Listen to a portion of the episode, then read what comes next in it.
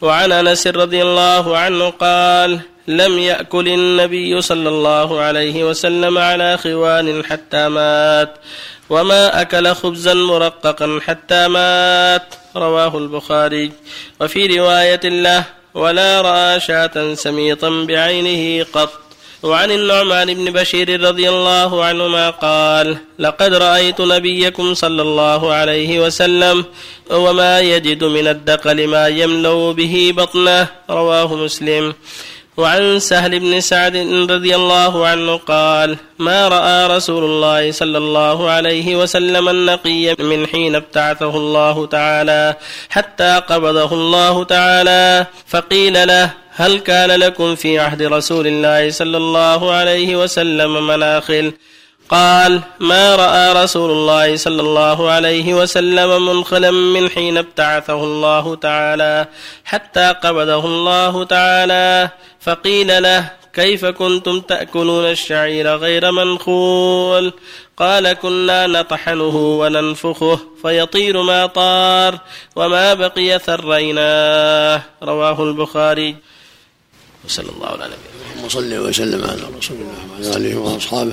أما بعد فهذه الأحاديث التي قبلها في الحث على التقلل وعدم الانبساط في الدنيا لأنها دار زوال ودار نقلة ودار امتحان ودار عمل وليست دار متعة وليست دار نعيم.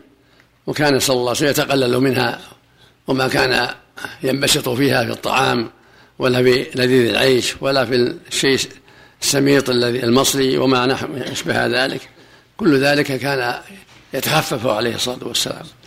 تقدم أنه صلى الله عليه وسلم كان ربما بات الأيام طويلة لا يجد ما يملأ به بطنه وربما مضت عليه ثلاثة أيام ما شبع من خبز الشعير. فالمقصود من هذا كله الحث على عدم الانبساط في الدنيا والتوسع فيها لأنها قد تشغل عن الآخرة. وتقدم أن المقصود من هذا هو عدم الشغل بها وعدم العناية بما يسبب الصد عن الآخرة. أما كون الإنسان يكسب الرزق الحلال ويأكل من الطيبات مأمور مأمور بهذا. قال الله تعالى يا أيها الناس كلوا يا أيها الناس كلوا من طيبات ما رزقناكم واشكروا لله إن كنتم إياه تعبدون. فالمؤمن مأمور بيأكل وقال في حق الرسل يا أيها الرسل كلوا من الطيبات واعملوا صالحا. فلا حرج في ذلك. وإذا تقلل الإنسان منها لقصد الإعداد للآخرة وعدم الشغل بها فلا بأس. لأنه صلى الله عليه وسلم كان لا يهتم منها وإنما يهتم بالصدقات والإنفاق والإحسان. ويجود عليه الصلاة والسلام ويعطي عطاء من لا يخشى الفقر عليه الصلاة والسلام. والرسول عليه السلام قال احرص على ما ينفعك واستعن بالله. قال صلى الله عليه وسلم لما سئل أي كسب يعطي قال عمل الرجل بيده وكل بيع مبرور.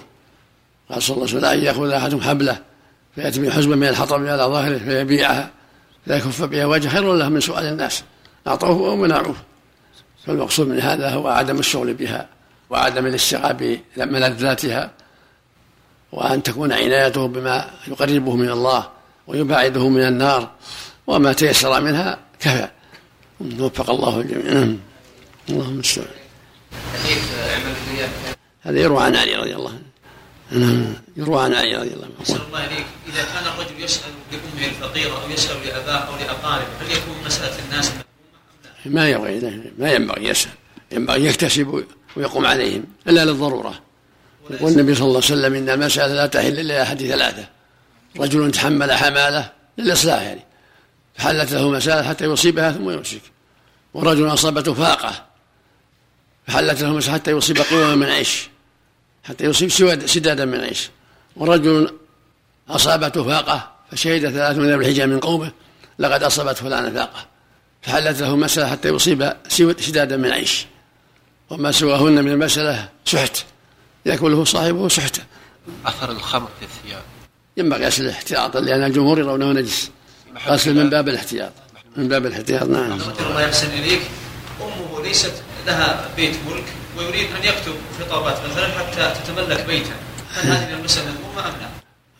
عدم السؤال أحسن ما دام عندهم ما يسد حاجتهم في الأكل والشرب والأجرة.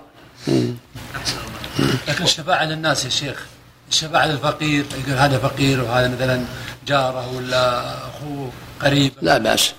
إذا عرف فقره حاجته يشفع له فيما يسد حاجته. بارك الله فيكم. إذا المأموم غلبه النوم في اثناء السجود. عليه هذا النعاس لا النعاس يعرض الناس ما يضر. هذا يسمى نعاس. نعم. أحسن الله عليكم يا شيخ. هذا واحد إذا لما سجد هو كان يصلي الجماعة مع ال- الإمام سجد لما سجد جاء وسواس شديد فاستعن بالله استعن بالله استعن بالله حتى رفع الإمام. المقصود أن ما سبح يعني ال- التسبيح. ما دام الشرعي. ما دام ناسي ما عليه شيء. أو جاهل لا شيء. يعني الركعة صحيحة؟ نعم بسبب الجهل والنسيان. أحسن الله في كلام بالنسبة لبعض الناس هل هو حديث أم كلام أو حكمة؟ يقولون ما خاب من استشار ولا ندم من استخار. هل هذا حديث أم حكمة أو كلام عام؟ لا معناه صحيح. النبي أمر بالاستخارة وأمر بالمشاورة. والله يقول وامرهم شورى بينهم. يروى عن النبي صلى الله عليه وسلم لكن ما اعرف سنده لكن معناه صحيح. ما هو الصواب في دم الحيض؟ دم الحيض؟ إيه، هل هو نجس أو الحيض؟ نجس دم. الدم نجس. النبي أمر بغسله طرفه عليه الصلاة والسلام.